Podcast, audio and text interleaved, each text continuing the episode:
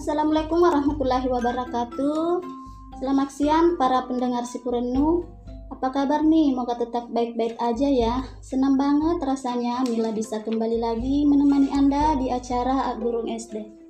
Nah, sahabat Sipurenu atau siswa-siswi, siapkan nih alat tulis tak karena sebentar lagi kita akan mengikuti pelajaran dari gurunya. Namun jangan ke mana-mana dulu ya, yuk kita dengarkan lagu berikut ini.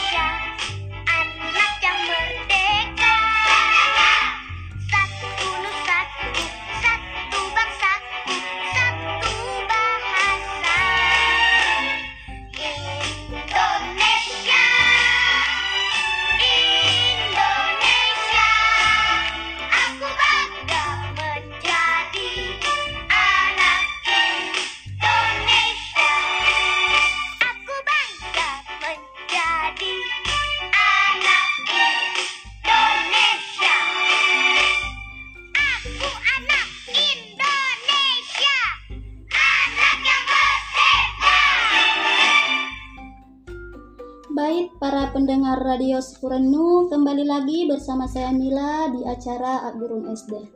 Nah, di sini di tengah-tengah kita sudah ada salah satu guru yang ada di Pulau Sabutung, yaitu Pak Adil. Assalamualaikum Pak. Waalaikumsalam warahmatullahi wabarakatuh. Apa kabar Pak hari ini? Alhamdulillah sehat walafiat. Materi apa yang akan Bapak dibawakan hari ini dan untuk kelas berapa Pak? Eh, materinya eh, untuk tema hari ini yaitu keragaman suku bangsa dan agama di negeriku. Ini ada dua materi yaitu bahasa Indonesia dan IPA. Kalau bahasa Indonesia itu menentukan gagasan pokok suatu bacaan, kemudian di IPA yaitu gaya otot dan gaya terhadap gerak benda. Baiklah Pak, tempat dan waktu saya persilahkan untuk memulai materinya. Ya, terima kasih. Assalamualaikum warahmatullahi wabarakatuh. Waalaikumsalam warahmatullahi wabarakatuh. Alhamdulillah, puji syukur kita panjatkan kehadirat Allah Subhanahu wa taala karena hari ini kita kembali bersama-sama dalam acara Guru SD di Radio Sipolendu. Khusus untuk hari ini saya akan sampaikan atau bawakan yaitu anak-anakku sekalian SD kelas 4. Jadi materinya untuk hari ini ada dua pokok bahasan yaitu bahasa Indonesia dan ilmu pengetahuan alam. Kalau bahasa Indonesia eh, yang saya ingin sampaikan di sini yaitu siswa bagaimana bisa menentukan gagasan pokok pada suatu bacaan. Kemudian untuk IPA eh, diharapkan siswa mengetahui apa itu gaya otot, kemudian pengaruh gaya terhadap gerak benda. Ya, baiklah anak-anakku sekalian khususnya siswa SD kelas 6 eh, eh, mohon maaf kelas 4 jadi guru SD untuk hari ini kelas 4 ya eh, saya mulai dari IPA dulu yaitu pokok bahasan gaya otot jadi gaya otot, itu adalah gaya yang dilakukan oleh otot-otot tubuh kita. Nah, misalnya ketika kita menendang bola, maka kita itu mengerahkan gaya otot kaki kita. Gaya otot manusia sangat fleksibel karena itu dikendalikan oleh koordinasi biologis pada manusia. Gaya otot merupakan salah satu contoh dari bentuk gaya sentuh. Jadi gaya otot adalah gaya sentuh yang dihasilkan oleh otot manusia atau hewan yang melibatkan alat tubuh tertentu. Ya, saya ulangi, gaya otot itu adalah gaya sentuh yang dihasilkan oleh otot manusia atau hewan yang melibatkan alat tubuh tertentu. Jadi ada beberapa alat tubuh yang umum digunakan untuk menghasilkan gaya otot. Misalnya tangan, kuku, siku, jari tangan, jari kaki, tumit kaki, pinggul, bahu, dan sebagainya. Nah, ini adalah apa beberapa alat tubuh yang umumnya digunakan untuk menghasilkan gaya otot. Gaya otot itu umumnya digunakan untuk berbagai keperluan, misalnya mendorong, menarik, mengangkat, menggeser, menendang, melempar, menahan, dan sebagainya. Nah, berdasarkan kegunaannya, maka gaya otot itu dapat dibedakan menjadi beberapa bentuk. Diperhatikan anakku sekalian kelas 4. Jadi gaya otot itu dibedakan menjadi beberapa bentuk. Yang pertama ada namanya gaya tarik. Apa itu gaya tarik? Gaya tarik itu adalah gaya yang digunakan untuk menarik atau memindahkan sesuatu Gaya otot berupa gaya tarik biasanya memanfaatkan tangan. Ya contohnya seorang siswa mendorong meja ataukah seseorang siswa yang mendorong lemari atau bangku. Itu itu contoh gaya tarik namanya. Kemudian yang kedua ada namanya gaya tekan. Apa itu gaya tekan? yaitu gaya yang digunakan untuk menekan sesuatu benda sehingga benda mengalami tekanan. Ya, contohnya Rama menekan tanah liat ketika membentuk mainan. Ya, ataukah biasa kita menggunakan laptop? Ya kita uh, tindis tekan tombolnya itu juga namanya gaya tekan. Jadi banyak contoh-contoh ini yang bisa kita lihat di, di luar. Kemudian yang ketiga gaya angkat. Apa itu gaya angkat? Yaitu gaya yang digunakan untuk memindahkan suatu benda ke tempat yang lebih tinggi atau ke tempat lain. Jadi misalnya ibu mengangkat penggorengan ke meja atau ibu mengangkat ember yang berisi air atau kita yang mengangkat apa saja ke, yang lebih tinggi atau ke tempat lain. Itu namanya gaya angkat. Kemudian yang keempat ada namanya gaya lempar. Gaya lempar itu adalah gaya yang digunakan untuk melempar sesuatu dalam arah tertentu. Ya, contohnya kalau kita melempar bola ke atas ya atau melempar apa saja atau kalau misalnya kita mancing ya kita melempar umpan itu namanya gaya lempar. Jadi anak-anakku sekalian itulah macam-macam gaya otot dari beberapa bentuknya jadi ada empat gaya tarik, gaya tekan, gaya angkat dan gaya lempar. Kemudian apa pengaruhnya gaya terhadap gerak benda? Jadi benda itu bisa bergerak itu karena ada gaya yang timbul. Ya tadi sudah dijelaskan. Jika gaya timbul tidak timbul, maka benda tidak mungkin bergerak atau berubah kedudukannya. Jadi kalau suatu benda tidak diberikan gaya, maka benda itu tidak mungkin bergerak atau berubah kedudukannya. Gaya mempengaruhi gerak benda. Jadi gaya yang diberikan ke sebuah benda itu mengakibatkan berbagai perubahan. Jadi kalau kita memberikan gaya pada suatu benda, itu ada beberapa perubahan yang bisa terjadi. Misalnya, benda diam, ya, menjadi bergerak karena ada gaya. Contohnya, misalnya bola yang diam, yang berhenti kita tendang menjadi bergerak karena ada gaya yang diberikan. Ya.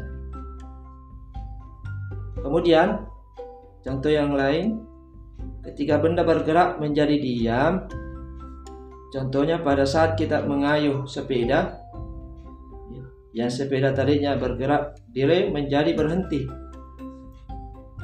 Jadi pada saat sepeda sementara jalan tiba-tiba kita rem, maka benda itu eh, tidak bergerak. Ya. Karena ada gaya yang diberikan. Kemudian contoh lain benda bergerak menjadi berubah arah. Contohnya pada saat kita menaiki motor yang tadinya bergerak, kita belok menjadi berubah arah. Ya. Jadi kalau kita misalnya naik motor atau naik sepeda, tiba-tiba kita belok kiri atau belok kanan, itu berarti menjadi berubah arah. Itu karena ada gaya yang diberikan kepada benda. Kemudian gaya itu dapat mengubah bentuk benda. Ya, ini juga perlu diperhatikan. Gaya yang kita lakukan itu bisa mengubah bentuknya benda. Contohnya, aluminium yang dibakar dan dipipihkan, yaitu berubah. Kemudian besi yang dibakar menjadi dipipihkan ya, ya kayak eh, apa? Membuat pisau atau parang, nah itu berubah bentuk karena ada gaya yang diberi. Kemudian plastisin atau yang biasa ada di sekolah itu yang dibikin patung atau apa itu kalau kita tekan-tekan akan berubah atau kita buat patung nah itu adalah namanya gaya dapat mengubah bentuk benda. Ya itulah informasi yang bisa saya sampaikan untuk IPA mengenai apa itu gaya otot kemudian apa pengaruhnya gaya terhadap gerak benda Baiklah pendengar Sipurenu, sebelum kita melanjutkan materinya, mari kita dengarkan lagu berikut ini.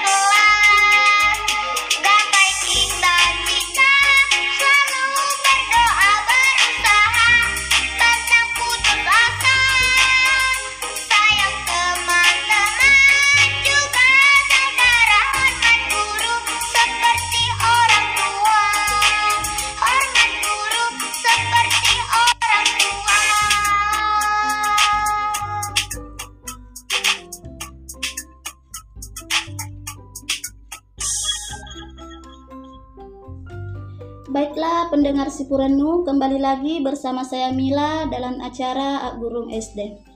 Dan silahkan Pak untuk melanjutkan materinya. Ya, terima kasih anak-anakku sekalian, khususnya SD kelas 4 dan para pendengar Radio Sipurenu. Kembali bersama kami dalam acara Gurung SD. Eh, saya akan lanjutkan pembahasan untuk bahasa Indonesia yaitu bagaimana cara menentukan gagasan pokok pada suatu bacaan. Jadi eh, mengenai gagasan pokok ini saya kira sering kita dengarkan. Saya juga beberapa kali menjelaskan di kelas 6 tapi ini khusus untuk kelas 4 tidak apa-apa kita kembali menjelaskan apa itu gagasan pokok jadi setiap paragraf itu memiliki pikiran pokok. Pikiran pokok adalah ide pokok dari sebuah paragraf. Pikiran pokok disebut juga pikiran utama atau gagasan utama atau gagasan pokok. Pada setiap paragraf itu memiliki satu pokok pikiran atau pikiran pokok yang merupakan inti dari pembicaraan yang ada pada paragraf tersebut. Beberapa pokok pikiran paragraf itu dapat dijadikan dasar untuk menemukan pikiran pokok dari suatu bacaan. Nah, oleh sebab itu, anak-anakku sekalian, sebelum mencari pikiran pokok pada suatu bacaan, kita harus menemukan dahulu pikiran pokok setiap paragraf.